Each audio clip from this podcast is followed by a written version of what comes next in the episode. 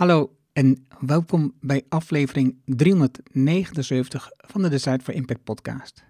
Waar je leert van ondernemers en ondernemende mensen die bijzondere resultaten behalen, welke besluiten ze genomen om hier te komen, wat ze doen, de strategie en hoe ze klanten krijgen. Mijn naam is Erno Hanning en ik deel mijn opgedane kennis, ervaringen en expertise met jou. Ik coach ondernemers zodat ze besluiten nemen om impact te groeien. Vandaag het gesprek met Jan van der Spoel. Jan werkt meer dan 30 jaar in corporate communicatie als creative director en concept designer. En heeft geleerd dat alles wat te maken heeft met leiderschap en hoe we samenwerken op de een of andere manier terug te voeren is op vertrouwen.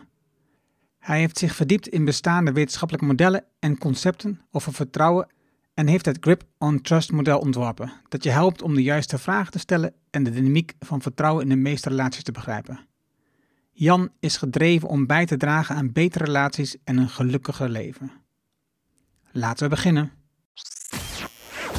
Welkom bij Design for Impact, de podcast waarin je leert van ondernemers en experts die een positieve, duurzame bijdrage leveren aan mens en omgeving.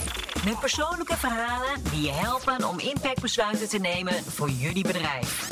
Dan nu, jouw business coach, Engel Halling. Welkom in de nieuwe podcastaflevering. Dit keer spreek ik met Jan van der Spoel. Welkom Jan. Ja, de, dank dat ik er ben, uh, Erno en uh, Simone. Ja, dat is een andere persoon, Simone Berenpoot. Wij kennen elkaar uh, wat langer, maar we hebben, zeg maar, nu werken we samen met het IDG-hub van Amsterdam. Dus ook welkom Simone. We gaan dit samen doen. Dus het mm -hmm. lijkt me heel spannend. Dankjewel. Ja, vind ik ook. en dat komt ook een beetje omdat jij ook overweegt om zelf een podcast te starten. Dus dat is um, een mooie start voor jouw uh, podcast, lijkt me. Zeker, zeker. Dankjewel daarvoor. Jan, we hebben met jou gesproken uh, en daarom zit je nu in, in, in, deze aflevering, omdat wij vanuit de IDG Hub Amsterdam afgelopen vrijdag, dat was uh, 2 december, hebben een bijeenkomst gehad en die ging over vertrouwen. En de IDG's, dat zijn um, 23 vaardigheden en kwaliteiten. En één van die vaardigheden en kwaliteiten is vertrouwen. Het is een hele bijzondere. Zo bijzonder dat jij zelfs daar je hebt geconcentreerd met je bedrijf Grip on Trust. En jij hebt mij al een beetje geschiedenis verteld over hoe je begon met en waar het vandaan kwam. Maar waarom is vertrouwen voor jou zo belangrijk? Omdat vertrouwen de essentie is van elke relatie. Een goede relatie hebben of een slechte relatie, dat wordt bepaald door de mate van vertrouwen. Het is het, het, is het wezen van, van, van hoe we, hoe we met, met elkaar omgaan.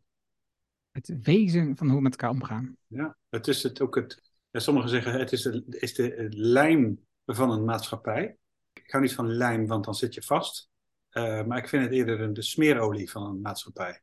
Dus of, mensen, of dingen stroef gaan, hè, als, je, als je geen vertrouwen hebt, dan heb je regels nodig, dan heb je afspraken nodig, dan heb je controleurs nodig uh, die ervoor zorgen dat het allemaal blijft lopen. Dan heb je documentatie nodig. Heb je wel vertrouwen, dan, dan is een woord voldoende en dan gaan dingen vanzelf. Dan gaat het stromen, dan gaat het vloeien.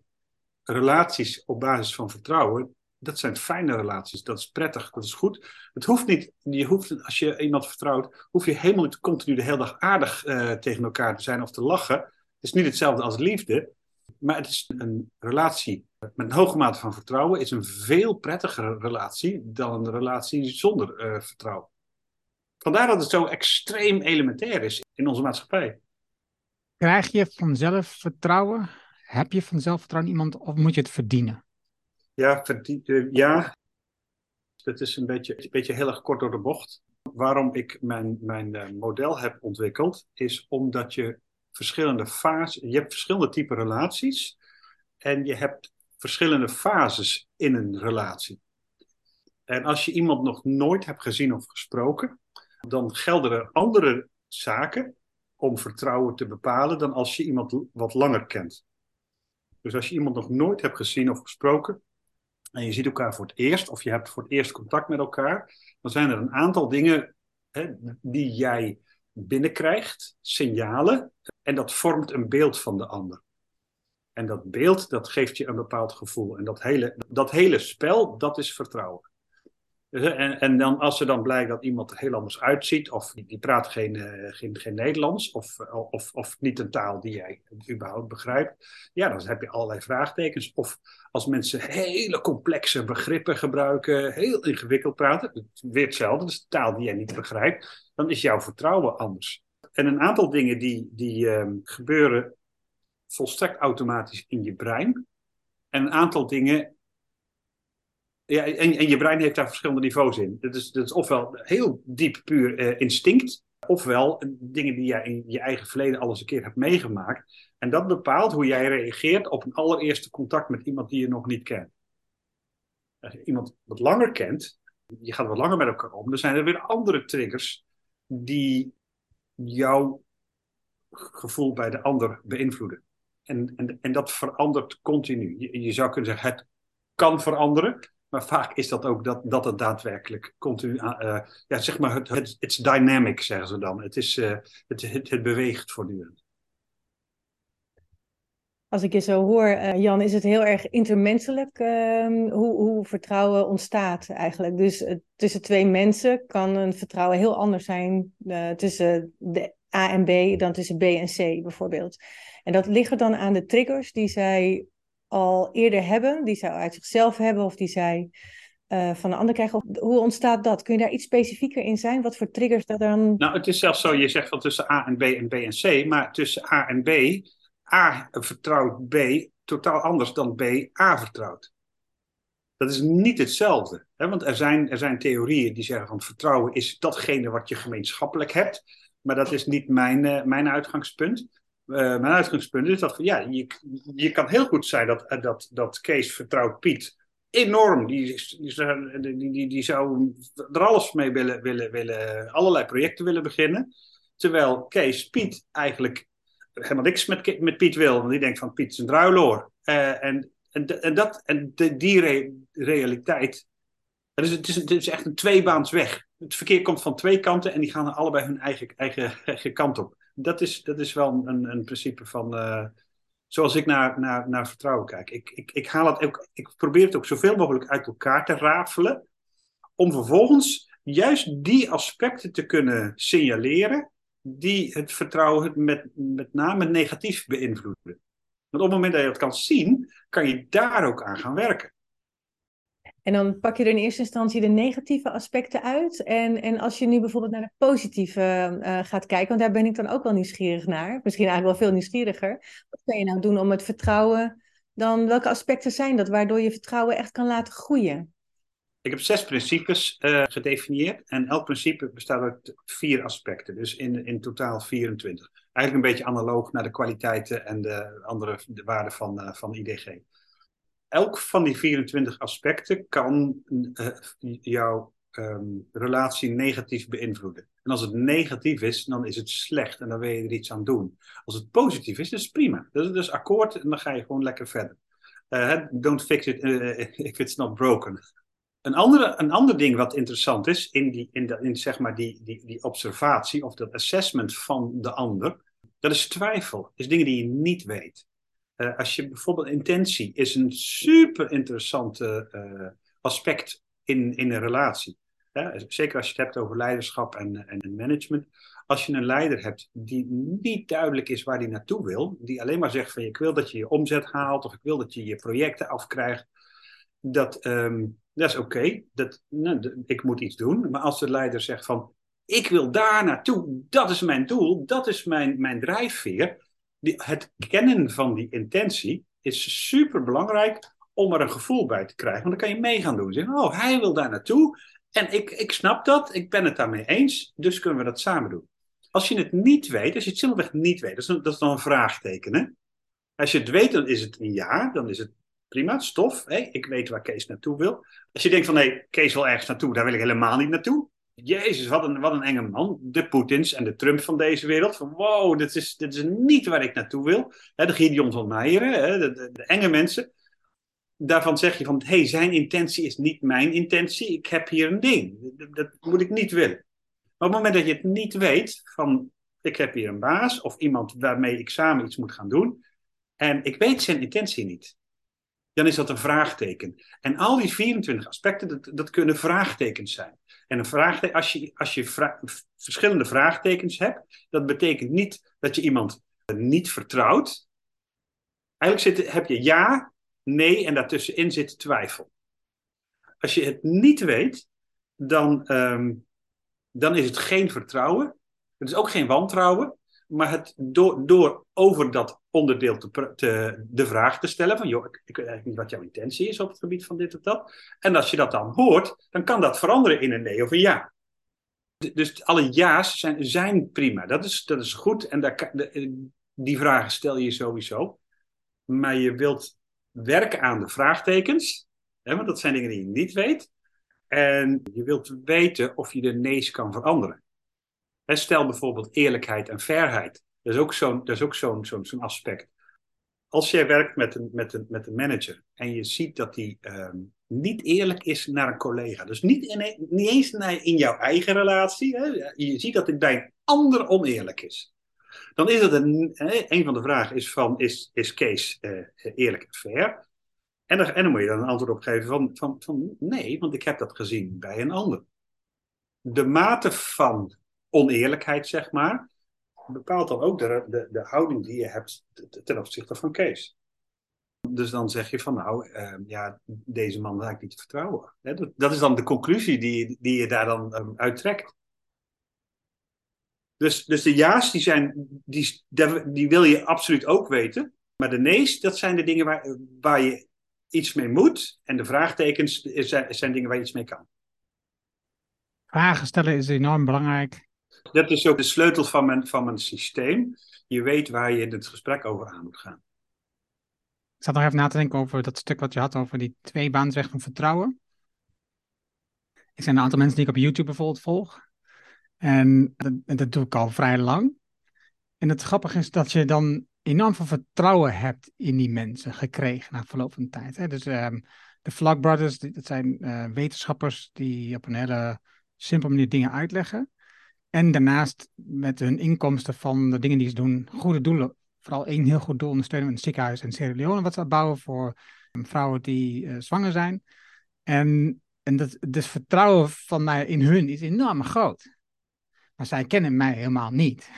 Dus zij hebben op dit moment nog nul vertrouwen in mij. En dat is, dat dacht ik, ah, dat, daar zie je dus hoe uh, verschillend die, uh, die weg kan zijn, die tweebaans weg kan zijn. Maar ook in, in, in bedrijven. Hè? De, um, uh, je, je, hebt, je hebt grote bedrijven, een paar duizend man, en de CEO die zit op het hoofdkantoor. En die zit op de hoogste verdieping in zijn kantoor, of in zijn vleugel. En een andere kantoor zit dan de CTO of de, of de CFO. Dat zijn dan de mannen. Bij heel veel bedrijven zijn die mannen onzichtbaar. Onbenaderbaar. Dat zijn de en moet je je voorstellen, dat zijn dan de leiders van het bedrijf. En dan krijg, ze, krijg je regelmatig of een document of een mail of die corporate uh, mission statement met de foto van de man erop, of misschien zelfs een, een filmpje. Maar als jij alleen maar een soort van functionele relatie met zo iemand heeft, omdat iemand dat tegen jou gezegd heeft, dat en dat is, is de CEO, dan heb, je, dan heb je daar eigenlijk ook geen relatie mee. Dus op het moment dat zo'n man jou niet ziet, hij, hij kent jouw naam niet, hij weet niet wie je bent, dan heb je daar inderdaad ook geen relatie mee. Uh, je hebt dan een soort van functioneel of technisch of transactioneel vertrouwen in de man. Maar het is heel erg op afstand. Hè? Stel, er, gebeurt iets en hij gaat op een kistje staan en hij zegt van, joh, we hebben een groot probleem, uh, jullie moeten mij helpen. Een hele grote kans dat heel veel mensen zeggen, ja, maar ja, ik moet ook op tijd naar huis en de kinderen ophalen en uh, ik, heb, ik heb ook dingen te doen. Simpelweg omdat je geen relatie hebt. Alleen een relatie uit naam. Daarom is het ook voor leiders zo extreem belangrijk om je, je mensen op de een of andere manier te zien. Het, niet gezien worden is een van de ergste dingen die je kan komen, overkomen in een organisatie. Het feit dat, jou, dat jouw baas, of de baas van jouw baas, jouw naam helemaal niet kent. Dat gebeurt zo verschrikkelijk veel. En dat zijn super kleine dingen waar je, waar je aan kan werken. Dus, dus, dus als je dan voorstelt, hè, je bent een manager. En dan weet ik eigenlijk hoe de, hoe, hoe de mensen in dat team heet. Nee, weet ik niet. Nou, dan heb je al meteen een enorm goud in handen om te zeggen: Nou, dan ga ik, ga ik komende maand eens aan werken. Hoe heet jij? ben je getrouwd? Is het leuk? Gaat thuis? Hoe is het met de kinderen? Heel erg simpel elkaar zien. En als, je, als, de, hè, als de, grote CEO komt in, in zijn grote auto door zijn eigen parkeerplaats, loopt met zijn gebogen hoofd door het pand heen naar zijn kantoor en is dan de baas van iedereen. Nou, er zijn heel veel mensen die, die geen band hebben met die man. Maar gelukkig is dat niet in elke organisatie zo, toch, Jan? dat het zo werkt. nee, dat, dat, dat klopt. Maar, je, maar je, ziet, je ziet dat, dat heel veel leiders wel tot grote afstand staan uh, tot, tot de mensen uh, in de rest van het bedrijf. Dat elkaar zien, in, dat, is, dat zit in het, in het principe van karakter. Daar zit in intentie, hè, wat, wat ik net zei. Waar, waar wil ik naartoe? Wat vind ik belangrijk? Dat is respect. En in respect zie ik jou en hoor ik jou. Dat is, kom ik op voor jouw belangen? Hè? Do I have your back? En eerlijkheid en fairheid. En, en die vier dingen, die wil je gewoon weten van, jou, van, van jouw leider. Van, van, van de, dat bepaalt het karakter van de ander. En zie, zie je daar dan een heel verschil in tussen, in tussen generaties bijvoorbeeld? Zijn de, zijn de jongere leiders, zijn dat andere leiders in dit opzicht dan, uh, dan zal maar zeggen, de wat oudere leiders? Dat zie je zeker wel dat gezegd hebbende, ik heb net, net een ontzettend interessant onderzoek uh, ben ik aan het lezen van Dagger Keltner. Dagger Keltner is, heeft, uh, heeft de, de power dynamics helemaal bestudeerd. En die zegt dat als iemand in een machtspositie terechtkomt, dan verandert zijn gedrag. Zijn, zijn empathische vermogens en zijn morele kompas verandert dat komt doordat ze die machtspositie krijgen. Ik, ik heb echt zoiets van, dat is wel zo, zo krankzinnig. Um, ook een krankzinnige uitleg van wat er gebeurt en waarom we zoveel toxic managers hebben in organisatie. Um, als je, hey, je bent een aardige vent en je gaat met je collega's lekker om en je wordt manager en ineens wordt die relatie anders. En dat, dat herkent iedereen. En dat zit in ons brein, hè? Dat, dat, dat, doen we niet expres. Het is niet zo van, nou, stel ik eens, hè, ik heb nu andere verantwoordelijkheid. Nou ga ik vervelend doen. Nee, dat overkomt je. We zijn wat dat betreft uh, de combinatie tussen, tussen uh, uh, zeg maar, onbewust gedrag en rationeel gedrag, of denken. dus eigenlijk een, een ruiter op een paard. En we denken dat we ah, dat paard zo fantastisch in, de, in bedwang hebben. En dat gaat ook hartstikke goed vaak. Alleen, we hebben eigenlijk geen idee dat dat paard gewoon 80, 90 procent van alles uit zijn eigen beweging doet. En het vervelende is ook weer van ons brein, dat zodra we moe worden of we alcohol op hebben, dan is het paard alleen maar de enige die de basis. En die doet dan alleen maar wat, wat dat, eh, eh, vanuit zijn instinct en intuïtie. Die, gaat, eh, die vindt donkere mensen eng. Dus dan gaat hij ofwel heel agressief tegen doen, of, of vlucht hij van weg. En dan kan je zeggen van, ja, maar dat wil ik helemaal niet. Nee, maar dat, dat zit in, in, in, in, ons, in, in, ons, in ons oersysteem. Hoe, hoe meer ik hiermee bezig ben, hoe meer ik denk van, god, we zijn zo, verschrikkelijk slachtoffer. We zitten eigenlijk een, beetje stom te hobbelen op dat paard. We hebben eigenlijk geen idee wat er aan de hand is. Maar daarom ben ik zo gefascineerd door, door het hele thema. Want we hebben jaren, duizenden jaren hebben we als woestijnvolkeren en bosvolkeren kunnen overleven door vertrouwen. Door de principes van vertrouwen. hey, ben jij van mijn stam? Hé, uh, hey, je bent niet van mijn stam. Ben ik dan veilig bij jou? hey, is daar een dier? Wat heb ik nodig om veilig te zijn tegen het dier of tegen het weer? Dat was onderdeel van ons instinct geworden. Dat was super belangrijk om, om te overleven. Maar in onze huidige super rationeel cognitieve wereld, waarin we in tien verschillende stammen tegelijk eh, een rol hebben, komen we in ons brein helemaal niet meer toe aan, aan, de, aan dat natuurlijke vertrouwen. Dus moeten we het, alles wat we dat onbewust eh, deden, moeten we nu veel bewuster maken. En dat is dus ook mijn kweeste, zeg maar, mijn, mijn missie van bewust maken wat, wat we zijn, wat we hebben uit het oog verloren, omdat ik zo graag wil dat we beter met elkaar omgaan.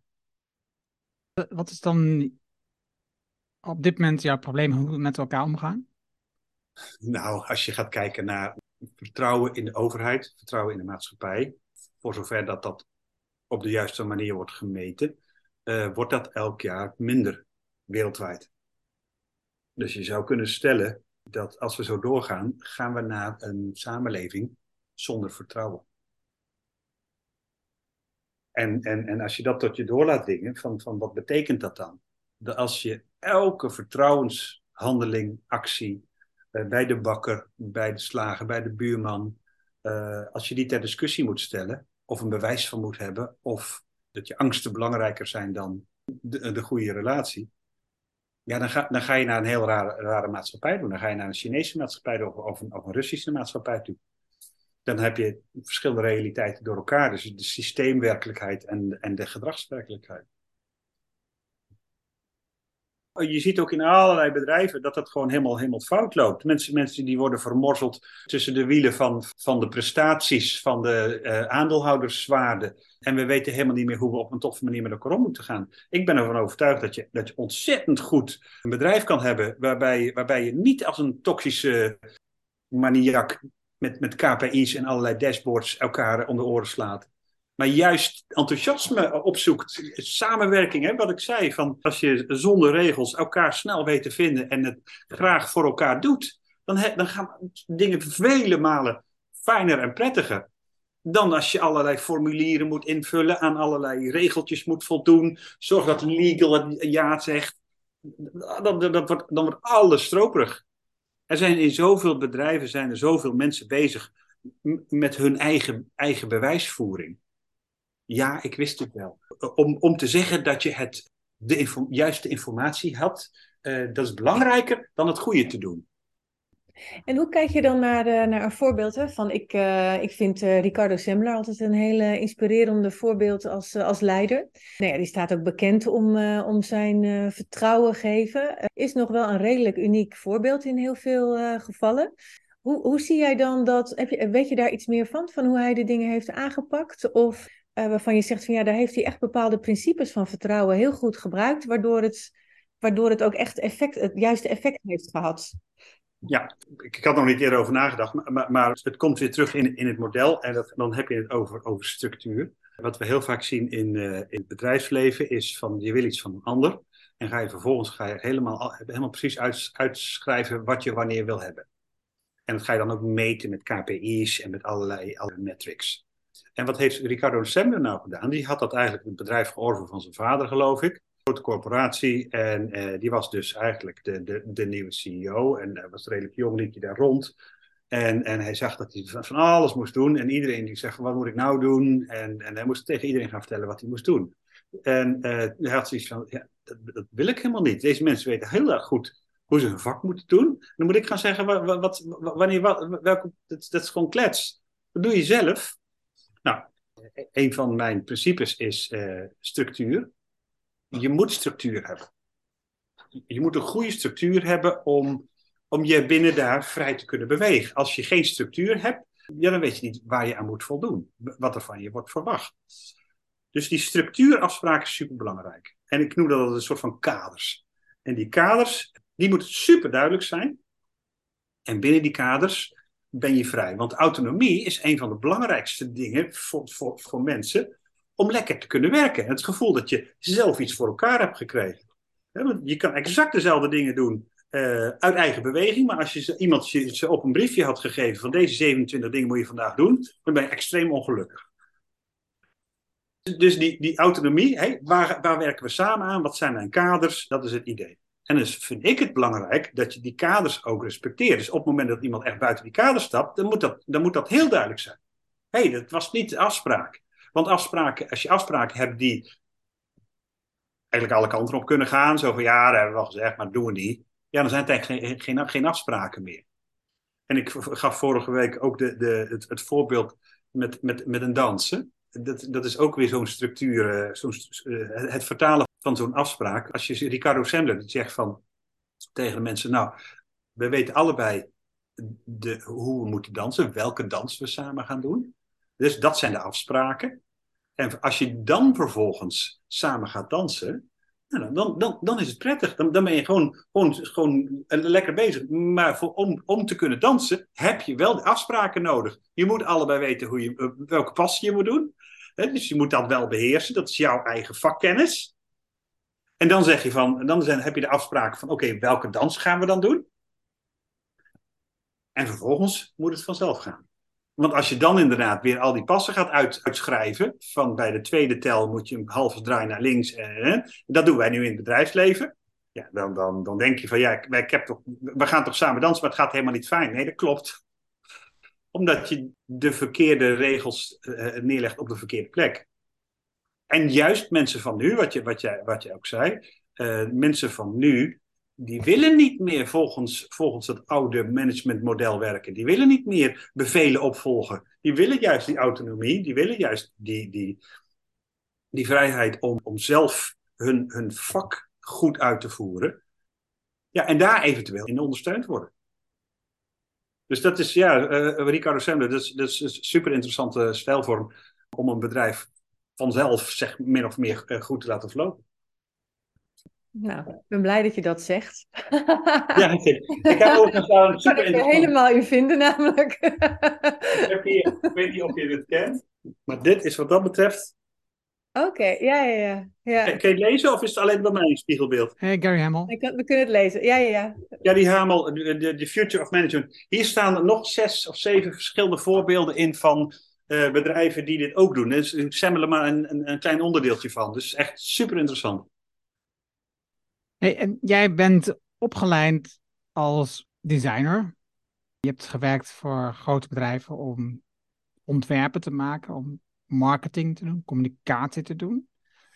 Als ik even heel gemeen kijk naar uh, communicatie, naar marketing vooral, is het is de marketing voor een groot deel erop geïnt om ons meer producten te laten doen kopen dan we eigenlijk nodig hebben. Mm-hmm. Vaker producten laten kopen, meer, want anders gooi je die bedrijven niet. Hij moet er meer verkopen. En die bedrijven hebben vertrouwen nodig in hun product, in hun kwaliteit, in hun innovativiteit. Dat is wat je laat zien met marketing. Mm-hmm. uh, dat je als consument dit product kunt vertrouwen en dus kunt kopen. Daarna laat je zien dat iemand niet goed genoeg is en dus een nieuw product nodig heeft om zich beter te voelen. Maar dat is wat anders.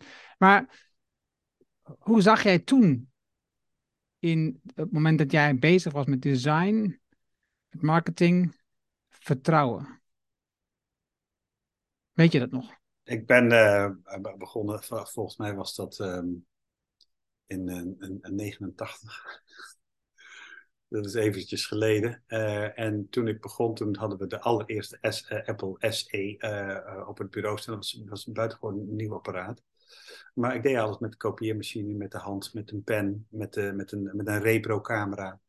Uh, en als we iets moesten maken, als ik een voorbeeld moest maken van bijvoorbeeld een poster met, met, met een rode tekst en een, en een blauwe cirkel, dat was een heel gedoe dan, dan, dan, dan moest je het of met de hand kleuren, of je moest dat, je moest dat uh, laten drukken, was hartstikke duur. En in die tijd was het, het hebben van een, van een corporate identity, logo, huisstijl, dat soort werk, dat, dat, was, dat was echt een vak, was een ambacht. En daar deed je ook best lang over om dat goed voor elkaar te krijgen. Om, zodat bedrijven op een hele consistente manier konden communiceren. dus dus uh, de verschillende afdelingen, als die iets naar buiten stuurden, met de post. De enveloppen, het briefpapier, dat moest allemaal dezelfde kleur zijn. Dus er zat een, een, een soort van uh, rudimentaire technische uh, noodzaak aan om alles het op dezelfde manier te doen. Um, ik heb het toen ooit een keer uit laten rekenen. Wat zou het mij moeten kosten, en met de moderne techniek van toen, om daadwerkelijk een document te kunnen maken in mijn computer, het te kunnen veranderen, hè, dus een foto te kunnen veranderen, en vervolgens in kleur te printen. Nou, dat was echt heel bijzonder. Dat moest, de, de, systemen die, die ik daarvoor nodig had, die moesten 120.000 gulden kosten. Dus daar zijn we niet aan begonnen. En nu krijg je dus een printertje bij de Action voor, uh, voor 75 euro. Uh, en dan krijg je het nog voor een maand uh, bij ook. En met, met die, die zorg voor iemand zijn identiteit, hoe ziet dat eruit? Want je kon het maar één keer goed doen clichés om te drukken of films om te drukken, die waren hartstikke duur en die gingen ook heel erg lang mee. Dus, dus het ambacht om, om ervoor te zorgen dat een bedrijf betrouwbaar overkwam, was super, super belangrijk. Dat is ook een van de redenen waarom ik gestopt ben met, met de, de communicatiebranche in 2015. Omdat, hè, dus waar ik mee begon met dat ambacht, dat is helemaal overgenomen door likes en kliks en links en manipulatie. Dat is neuromarketing zit daarin. Mensen met triggertjes ertoe verleiden om op een knopje te drukken. Want als je een knop hebt, dan wordt daar minder snel opgedrukt dan als je een knop hebt met een klein regeltje tekst ernaast. Het zijn allemaal van die mindfuckjes om inderdaad mensen maar in een soort van manipulatieriedeltje te krijgen. En daar ben ik niet van. Ik wil, ik wil echt intrinsiek contact maken. Ik wil mensen met elkaar verbinden. En er is niks mis mee om, om bedrijven, klanten te laten, laten, laten hebben en, en zaken te doen. Maar het hele gemanipuleer, ja, dat is, dat is niet mijn ding. Dus, dus vandaar dat ik uh, daar ook bij, mee ben, ben gestopt. Vertrouwen, eh, als ik nu kijk naar de huidige tijd, dan zie ik dat we in een tijd leven, als we, als we op dezelfde manier doorgaan, dat we de verkeerde kant op hobbelen. En we hobbelen de afgrond in, dat we zo mhm. eh, beschrijven. En dus het vertrouwen van de mens, de burger, in de toekomst is voor veel mensen heel laag. We hebben tot nu toe heel erg over vertrouwen in personen, hè, dus relationeel vertrouwen. Hoe zie jij vertrouwen in relatie tot de toekomst? Dat is, dat, is, eigenlijk een hoger doel geworden zelfs. Wij drukken in onze westerse maatschappij drukken wij, uh, alles uit in, in economische waarde. Het bruto nationaal product. Uh, en zo, zo, zodra dat, dat, dat positief is, dan mag er een industrieterrein worden gebouwd, of vliegtuigen vliegen, of dus, uh, wegen worden aangelegd, weet ik veel. En dat is in, de, in het Engels GDP. Dat is een internationaal systeem. Eigenlijk gebruikt elk land hetzelfde, hetzelfde systeem, zodat je dat ook een beetje met elkaar kan vergelijken. En wat ik, wat ik heel serieus aan het overwegen ben, ik heb domeinnamen al, al geclaimd, is bruto nationaal vertrouwen. Kijk, als je nu een, als overheid een groot project uh, hebt. Er moet iets gedaan worden. Nou, wat doen we dan allemaal? Dan zeggen we van wat, wat is het economische belang? Wat is het belang voor de doelgroepen? Wanneer moet het af? Hoeveel geld mag het hebben? En, nou, en, zo zijn er een aantal parameters die, die we allemaal meeweten. En inderdaad, wat levert het op qua geld? Want zelfs, we drukken zelfs uit uh, als, iemand, uh, als, als, er, als er een file staat van, van, van 200 kilometer, dan gaan we dat terugrekenen naar geld. En wat ik wil in al die dingen die, die, die bij een project horen, dus wil ik ook, wat doet dat met vertrouwen van de stakeholders? Want op dit moment, kijk naar de belastingfraudeaffaire, uh, kijk naar Groningen, kijk naar al, die, al, die, al dat gedoe waar de overheid nu mee te maken heeft. Er wordt gezegd, ja, sorry, of er is een fout gemaakt, of uh, die minister moet aftreden. Maar tijdens het proces weet, voelen mensen wel van, mm, het gaat niet meer lekker. Uh, ik ben benieuwd waar dit op naar na, strand. Maar niemand weet wat er daadwerkelijk aan de hand gaat. Hey, de planning gaat nog steeds goed. Hey, het budget, oh, we zijn over budget heen. Maar waar moet je dan op ingrijpen als je denkt van, hé, hey, we verliezen het vertrouwen van de mensen. Vertrouwen is in, in wezen is onzichtbaar en verandert voortdurend. Dus vandaar dat ik zo'n model heb gemaakt, waardoor je het even wel zichtbaar kan maken. En die 24 puntjes kan bekijken. Van loopt dat nog goed? Weten de mensen nog steeds waarom we het doen? Uh, doen we wat we zeggen? zijn we nog competent? Is er een structuur überhaupt? Wat zijn de waarden en normen? welke rituelen en tradities gebruiken we wel of niet? Nou, zo, zo, zo kun je al die puntjes langs gaan. En je kunt ook zien wat er wel of niet aan de hand is. Op het moment dat, dat als mensen zeggen, we hebben eigenlijk helemaal geen idee meer wat deze, deze projectmanager aan het doen is. Hè? Zijn intentie is, is, is onbekend. Dan kan je zeggen van, oh, maar wacht eens. Dan moeten we met de projectmanager praten. En zeggen, joh, wat was jouw intentie? Hè, wat, eh, en dat weer gaan communiceren. Want het gaat altijd over communicatie en gedrag. Die combinatie. Mensen zeggen iets en ze doen iets. Dat creëert dat gevoel. En als iemand zegt, oh, ik ga dat helemaal voor jou doen. En vervolgens doet hij niks. Dan denk ik, oh, hè, dat is wel een druiloor. Als Rutte zegt van iedereen krijgt 1000 euro en, er gebeurt helemaal nooit iets, dan denk ik van mm, ja, en hoe moet ik nou reageren op jouw andere beloftes? En in, de, in dat systeem van bruto nationaal vertrouwen Dat, dat ga ik overigens niet helemaal zelf uitschrijven, want dat, dat, dan is het mijn ding. En ik wil eigenlijk een soort van stichting, een denktank, en, en, mensen bij elkaar, economen, gedragsspecialisten, noem het maar op, waarop we met z'n allen uh, dat bruto nationaal vertrouwen, dat, dat, dat model uitwerken, zodat het voldoende draagvlak heeft. En ook praktisch is voor iedereen uh, om, om mee te werken. Dat het gewoon eigenlijk bijna leuk is om toe te passen. En dat, dat is dus mijn, mijn idee voor de toekomst. Want op dit moment zegt, zegt Rutte, die zegt glashard van... Uh, ja, ik lees dat, dat het vertrouwen in mij en mijn, mijn politiek lager is als ooit. Maar ik kan er niks aan doen. Maar dat is dus niet waar. Wel als je, uh, als je, als je denkt van... ja, het is onzichtbaar en ik weet eigenlijk niet of ik nou links moet veranderen of rechts moet veranderen. Dus doe ik maar gewoon al wat ik altijd deed en is verder goed. Maar ondertussen zie je wel dat die hele maatschappij op het moment helemaal de verkeerde kant, precies wat je zegt, van de verkeerde kant op gaat. Dus is het gewoon essentieel, weer, daar hebben we weer, om dat vertrouwen, patronen van vertrouwen, bewust te maken en meetbaar in onze maatschappij. En maak je het daar dan ook op, op die manier, je noemt uh, meetbaar ook, en zichtbaar, is het dan ook daarmee meteen tastbaar, dat je het echt kan kan, kan voelen. En zijn mensen ook op dit moment, en, daar hebben we het natuurlijk altijd ook bij de Inner Development Goals over, zijn mensen ook op dit moment al zo ver dat ze dat vertrouwen ook, uh, dat, ze kunnen, dat ze die bewustzijnstap heel makkelijk kunnen maken. Uh, dus ook het vertrouwen kunnen geven, maar ook kunnen ontvangen en dat ook kunnen ervaren als, als juist nu vertrouw ik diegene.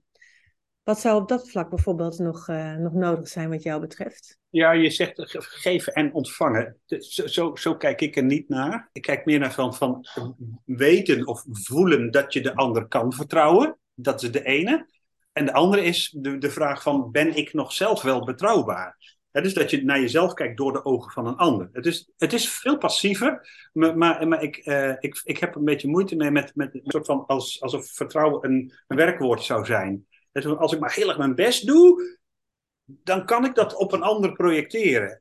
Dan denk ik dat eerder dat dat goodwill is, of, of zelfs liefde, of, of iets. Dat is een, een, een activiteit die je zelf kan ondernemen. Maar daarom zeg ik ook van vertrouwen is een perceptie. Een perceptie van, van jou van een ander en van een ander van jou. Maar je, je, daarmee heb ik niet op jouw vraag beantwoord. Nee, dus is het niet, dan is het eigenlijk niet tastbaar. Dat was eigenlijk de, de inleiding van mijn vraag. Kan je het tastbaar maken? Maar eigenlijk als ik jou beluister... Ja, wel, wel, ik, kan, ik kan het wel, wel tastbaar maken. Want ik heb verschillende stappen. Allereerst definieer je heel specifiek de relatie die je wilt onderzoeken. Dus als je zegt van, ik wil weten wat ik van de politie vind. Dat is, dat is een, te, een te grote abstracte vraag. Als ik zeg van, ik, wil weten wat ik van jou vind er zijn zoveel verschillende dingen. Dat is, dat is enorm veel. Daar kan je niks mee. Maar als ik zeg van, als ik, als ik wil weten wat ik van jou vind als vakvrouw, als professional, dan kan ik die 24 vragen stellen. Hè, van weet ik jouw intentie? Kom je op voor mijn belangen op het gebied van jouw vak? Zie jij mij? Uh, nou, zo dat, dat, dat, soort dingen. Dat is één. En dan, daar komt dan een uitslag uit. Dus een heleboel jaartjes en, en, een aantal vraagtekens en misschien één neetje. En dan denk ik van, hé, hey, nu weet ik ongeveer wat ik voel bij jou. Vervolgens kan ik zeggen van, ik wil hetzelfde weten op het gebied van jou, uh, hoe jij omgaat met plannen en organiseren. Want je hebt, mensen, je, hebt, je best veel mensen die, zijn hartstikke goed in hun vak, maar kunnen helemaal niet organiseren. Dus en als je dan zegt, ja, maar wacht eens eventjes. Ja, de afspraak komt, komt ze eigenlijk nooit na. Als ik, als ik een mailtje stuur, dan duurt het soms weken voordat ik antwoord krijg. Uh, dat, dat, soort dingen. Nou, dan krijg je dus dezelfde relatie, een ander onderwerp, krijg je dus ook een andere uitslag van. En als je die verschillende uh, onderwerpen dan naast elkaar legt, en dan zeg je, hé, hey, nu, nu begrijp ik wat ik voel. En dan kan je ook zeggen van, hé, hey, deze gesprekken moet ik aangaan. Ja, dus dan, dan heb je heel duidelijk op een aspect, uh, niet een aspect uit jouw model, maar uit andere aspecten van een persoon, kun je dan dus heel duidelijk maken voor jezelf. Oh ja, dus daar zit voor mij het stukje waar het vertrouwen ontbreekt, of het juist heel groot is. En dan kan je dat in een gesprek heel tastbaar maken, eigenlijk, doordat je er uh, zo concreet op terug kan komen. Ja. Iedereen, iedereen heeft wel vrienden. Uh, een, een, ontzettend goede vriend, waar je alles mee, wil, mee zou willen doen maar, maar je vraagt hem niet om jouw feestje te organiseren, want je weet dat het niks wordt. Nou, dat is nou precies. En dan zeg je: vertrouw je niet? Ja, ik vertrouw hem enorm. Nou, van alles nog wat. Maar op dat aspect eigenlijk helemaal niet. Nou, en dat is juist zo fascinerend. Als je dat zeg maar kan, kan determineren, uit elkaar halen. En precies dat dingetje zeggen van, joh, luister eens Kees. Ja, echt een toffe kerel, maar je kan niet organiseren. Dat, dat doe jij niet. En als het dus een belangrijke relatie is, dan kan je zeggen van, op dat aspect vertrouw ik jou niet. En dat komt binnen, dat komt aan. Op het moment dat je zegt van, joh, je bent altijd te laat. Dan zeggen mensen, ja, ik ben altijd te laat. Maar als je dan zegt van, ja, maar en daarom vertrouw ik jou niet. Je, ja, nee, ho, ho, ho, nee dat, dat is, zo moet je dat niet noemen. Want dat is, dat is het niet. En uh, dus het woord vertrouwen krijgt dan eh, ineens meer, meer, meer impact. En, en juist het, dat begrijpen van elkaar in een relatie is extreem belangrijk, maar ook extreem interessant. Ik ben een training aan het geven nou en, uh, en al meteen na de allereerste sessie gingen mensen hun, hun gedrag afstemmen op de ander. En dat is echt, nou, daar krijg ik altijd kippenvel van als ik dan merk, dat, dat is nou precies Precies wat ik hoop te bereiken. Ja, dus als we die dan weer terug, uh, terug oppakken naar de maatschappij en dergelijke. Dus daar moeten we het gesprek met elkaar over hebben. Over die verschillende aspecten waar het vertrouwen wel of niet er nog is. En daar dan met, uh, in dit geval met eventueel meneer Rutte of andere over als, als, als ik naast Rutte sta in de, in, in, bij de Chinees en oh, hij heeft zijn portemonnee bij zich en hij moet 100 euro afrekenen. Hij kijkt rond en hij zegt tegen mij van joh, wil je mij 100 euro lenen? krijg je volgende week terug. Meteen. Ik weet zeker dat ik die 100 euro terugkrijg. Geen seconde twijfel. Als hij zegt van joh, ik ben met een groepje en we gaan iets organiseren voor de maatschappij, dan zeg ik van nou, dat denk ik nou niet, Mark. en dus dat zijn verschillende onder, onderwerpen dezelfde persoon, alleen eh, daarom zijn die onderwerpen zo, zo, zo belangrijk eh, om, om, om het heel even uit elkaar te halen. En, uh, ja, en dan maak je het heel, heel tastbaar en heel functioneel. Maar met name om vervolgens het juiste gesprek aan te kunnen gaan. Als je kijkt naar een sollicitatiegesprek bijvoorbeeld, hè, dan heb je iemand die komt voor de eerste keer binnen. En dan hoor je dat veel mensen praten over intuïtie. De eerste paar seconden wordt eigenlijk, in zes seconden wordt het beeld bepaald wat je van die persoon hebt. Wat zijn jouw suggesties om dat beter te laten verlopen, om dat vertrouwen te onderzoeken? Kun je die persoon vertrouwen in de nieuwe job? Kun je die persoon vertrouwen bij je bedrijf? Kun je vertrouwen voor een toekomstige functie in jouw bedrijf? Hoe, hoe zou je dat moeten onderzoeken? Nou, ik zou daar gewoon echt die vragen bij pakken. Het is heel simpel. Uh, laten we het maar gewoon helemaal plat staan. Kijk, dit, dit is een soort van trainingsmateriaal wat ik dan, uh, dan maak. Ik heb hier voor bijvoorbeeld voor vertrouwen in de ander. Heb ik hier 24 vragen. Uh, de vertrouwen van de ander in jou. En wat nog heel mooi is, is ook de vertrouwen in jezelf in een specifieke rol. In de, in de, bijvoorbeeld, um, dan heb je het over zelfvertrouwen. En, die, en als je die vragen dan stelt, een van de dingen die, die, die relaties super, of tenminste werkrelaties enorm uh, um, in, inkleuren, is, is consistent gedrag. Doen wat je zegt. Nou, ik weet niet wat jullie hebben geleerd op school, maar ik heb helemaal niks geleerd van hoe snel moet ik reageren op een e-mail. Zet ik er een beetje een toffe aanhef aan of, of is het meteen een, zo van uh, ja of nee van hele korte mailtjes. Als je iets toezegt van volgende, ik stuur je straks een mailtje, moet dat echt straks of mag dat ook in de loop van de week zijn? Allemaal van die kleine dingen die, uh, waar een ander zich enorm aan kan storen. Maar waar jij als professional, hè, jij bent architect, je bent hartstikke goed in bouwen. Je hebt nooit dit soort congruentiedingetjes over nagedacht. Maar die bepalen wel op een gegeven moment van ja, Kees, je, je ontwerpen zijn prima, maar vind jij niet zo'n goede collega? Tot ziens. Uh, deze 24 vragen helpen je wel heel erg duidelijk om, om erachter te komen wat voor vlees je in de kuip hebt. Andersom kan je dat ook aan het bedrijf vragen. Van hoe, hoe zij daarin staan. Wat is de intentie van het bedrijf? Wat is de intentie van, hè, als je aan de, aan de HR-man vraagt, waar willen jullie nou eigenlijk naartoe? En, en hoe heb jij dat hogere doel van het bedrijf vertaald naar de afdelingsdoelstelling? En dan zeg je, ja, dat weet ik niet, we moeten omzet maken. En dan weet je ook van, oké, dat, dat is er eigenlijk nog helemaal niet. Ja. En als je dan kijkt naar die vragen, dan die vraag die stel je, dat zei je eerder, eigenlijk alleen als je dus een weet ik niet hebt. Nee, nee, je, je, je, stelt alle vragen en dan kunnen, dan kunnen drie soorten antwoorden uitkomen. Ja, van, van ja, ik weet het. Uh, en dan is het goed. Nee, uh, uh, dan is het niet goed. Dan is het dus eigenlijk best wel slecht. en al naar gelang het onderwerp kan het ook meteen klaar zijn. Hè? Als, als, je, als je merkt van is, is die, die persoon eerlijk? En je weet gewoon van nee, die persoon is niet eerlijk. Nou, dat kan genoeg zijn om, om, om, om meteen stekker eruit te trekken en te zeggen van nou, gaat niet worden. En als je het gewoon niet weet, dan, wat ik dus zei, van als het een vraagteken is, dan, dan kun je zeggen van joh, ik, ik, ik weet niet hoe dat bij jou zit. Het is natuurlijk, sommige, sommige vraagtekens die, die um, zijn natuurlijk heel gevaarlijk. Hè? Want als, als, je, als je moet afvragen van is die persoon eerlijk en je zegt van ik weet het niet. Dat is best lastig. dat is een lastige. Die kan je ook niet vragen. Je, zou kunnen zeggen, nou dan ga ik dan een collega vragen. Vind, vind jij Kees eerlijk? En dan denk ik, nou nee, ik heb hem dan, dan dat zien doen. Oké, dan, dan heb je het ook over reputatie. Dat is ook een, ook een interessante. Maar andere dingen kan je wel degelijk het gesprek aangaan van, joh, hoe zit het bij jou? Wat, wat een super interessante aspect is, is, is identificatie. Identificatie speelt met name als je iemand nog niet kent. dus, dus, dus die relatie die je voor het eerst hebt. Dan, dan zit je echt helemaal in, in, het, in het in instinct, in het, in het oerbrein. Ehm, ik, las, ik zag laatst een prachtig filmpje over een in- en een out-groep. Je, brein maakt al meteen een snapshot. Jij had het over 6 seconden. Ik dacht dat het 0,3 seconden was. Van, meteen van iemand van, jij hoort er wel bij of je hoort er niet bij. Dat zit ook weer in ons brein. En het vervelende is, we hebben mensen, ze hebben mensen in een, in een fMRI-scanner gestopt.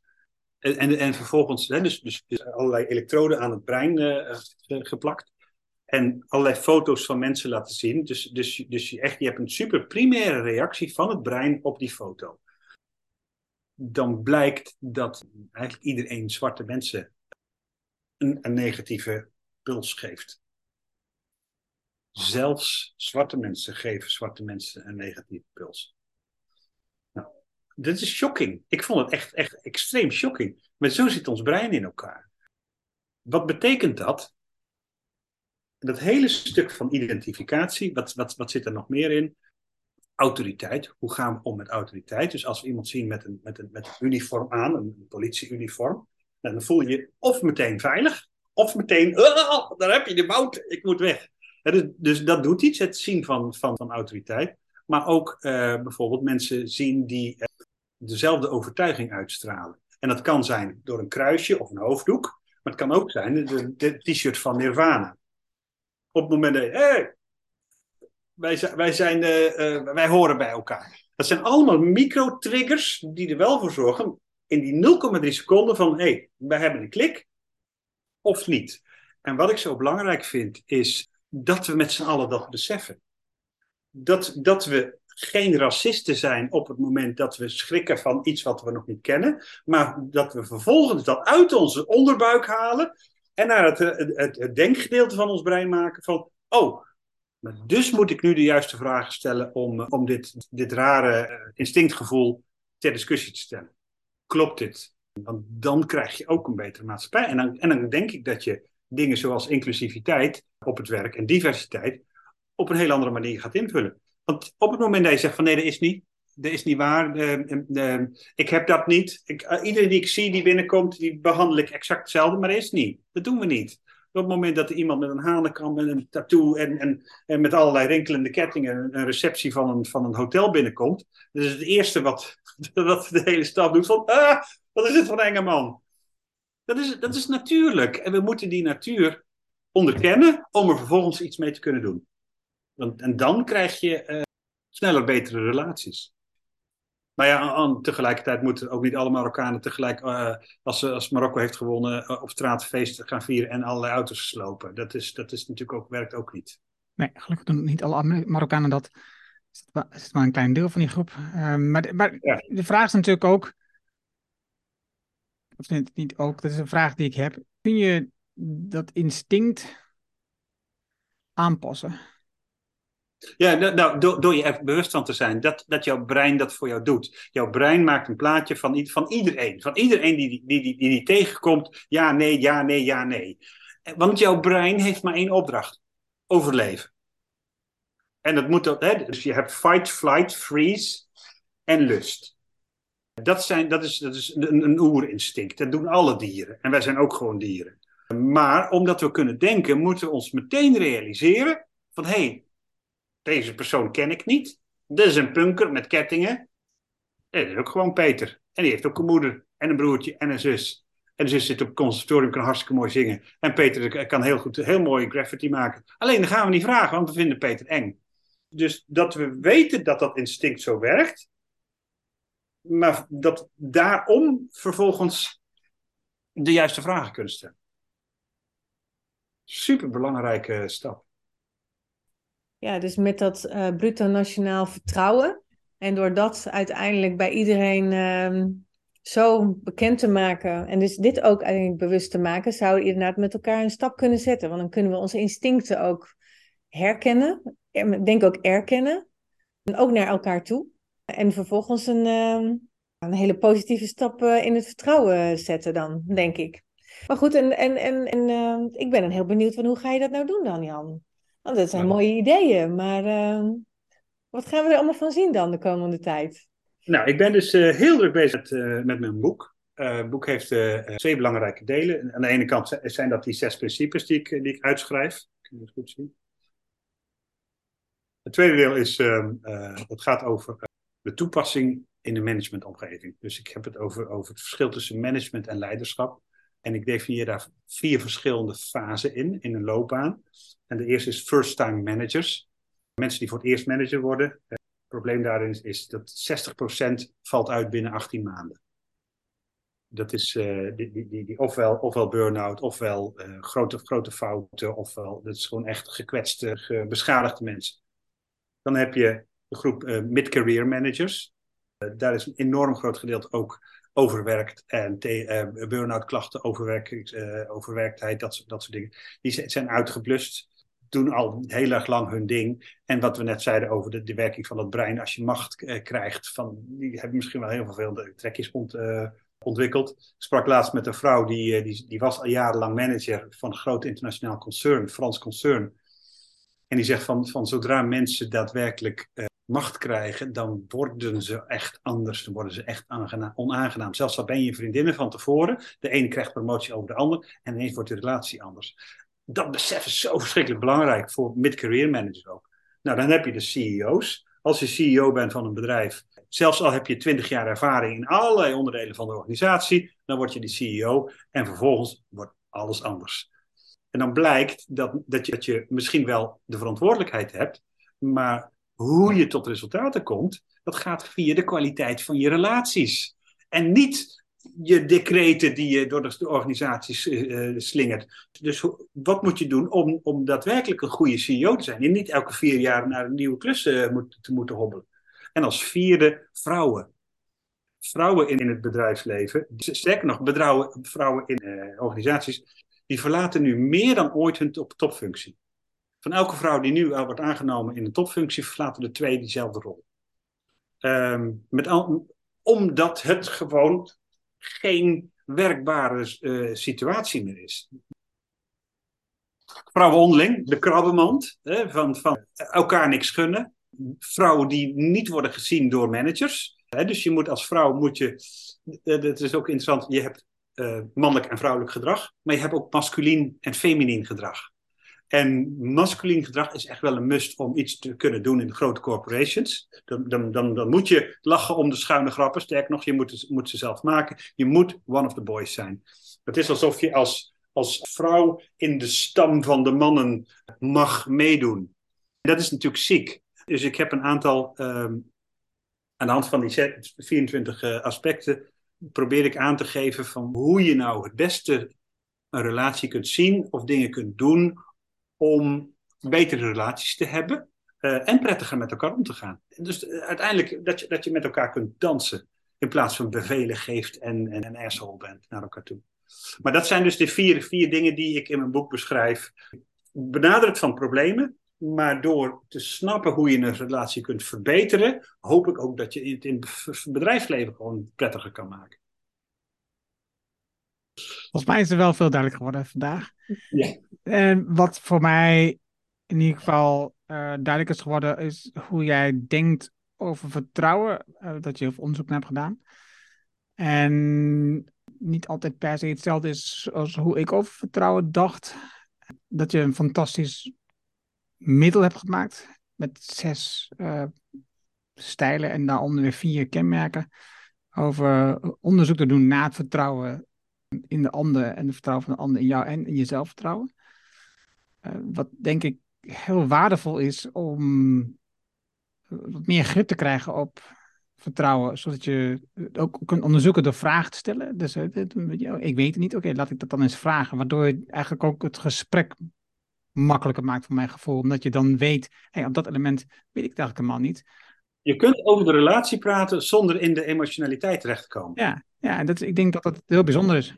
Technisch functioneel over een relatie praten. Dat, is, dat, is, uh, dat zei iemand laatst zelf tegen mij. Dat vond ik wel een mooie verwoording. Ja, dus ik denk dat het heel bijzonder is. En ik denk dat dat um, iets is waar we jouw boek ook straks voor nodig hebben om dat, om dat te kunnen lezen. Wat het precies is, hoe het inhoudt en wat die vragen allemaal zijn. Uh, dus dank je wel daarvoor. Um, mensen kunnen jou vinden op de website gripontrust.com. Dan kun je daar meer vinden over nou, vertrouwen, maar ook over jouw tools en je presentaties en allerlei dingen die je doet. Wat mij betreft heb ik veel geleerd over vertrouwen. Simone, jij? Ja, uh, absoluut. Ik, uh, ik ben uh, heel erg benieuwd waar Jan ons allemaal mee gaat inspireren in de maatschappij. Dus, want dat vertrouwen kunnen we goed gebruiken, denk ik, in de organisaties, maar zeker ook in ons dagelijks leven. Dus ik zou zeggen, ga ervoor, Jan. ja, dankjewel. Nou, ik vond het leuk om met jullie, te, jullie erover te praten. Ik bedoel, als je bezield bent van een onderwerp, ja, dan, dan, gaat, dan gaat dat vanzelf wel goed. Ja, dat is waar. Dat is waar. Dankjewel. Ja, heel graag gedaan. Dat was het mooie gesprek met Jan. Je vindt de namen en links die we noemden in het artikel dat bij deze uitzending hoort. Ga daarvoor naar de site slash show 379. Wil je vanzelf automatisch de volgende aflevering op je telefoon ontvangen? Dat kan heel eenvoudig. Heb je een iPhone, dan zit er standaard de Apple Podcast app op. Open deze app Zoek de Decide for Impact podcast op en klik op abonneer. Heb je een Android-telefoon? Installeer dan eerst bijvoorbeeld de Player FM app. Open die app, zoek de Decide for Impact podcast op en klik op abonneer. Dankjewel hiervoor. Heb je vragen, opmerkingen, reacties over deze aflevering met Jan of over de podcast in het algemeen? Stuur dan een e-mail naar podcast.decideforimpact.com en ik hoor super graag van jou. Wil je meer impact? meer resultaat, meer effect van je werk en meer effect voor de mensen met wie je werkt? Download dan het whitepaper Winst en Impact met lange termijn besluiten op de site van impact.com. Dit is mijn nieuwste whitepaper en daarom download je het nu helemaal gratis. Je hebt zelfs een e-mailadres nodig. Mijn nieuwste boek is altijd gratis. Vraag het daarom nu aan op de site voor impact.com. En ik weet een volle agenda, je leest het in één avond tijd. Dankjewel voor het luisteren en graag tot de volgende. Dankjewel voor het luisteren naar deze aflevering van de Decide for Impact podcast. Ga voor jouw volgende stap naar decideforimpact.com.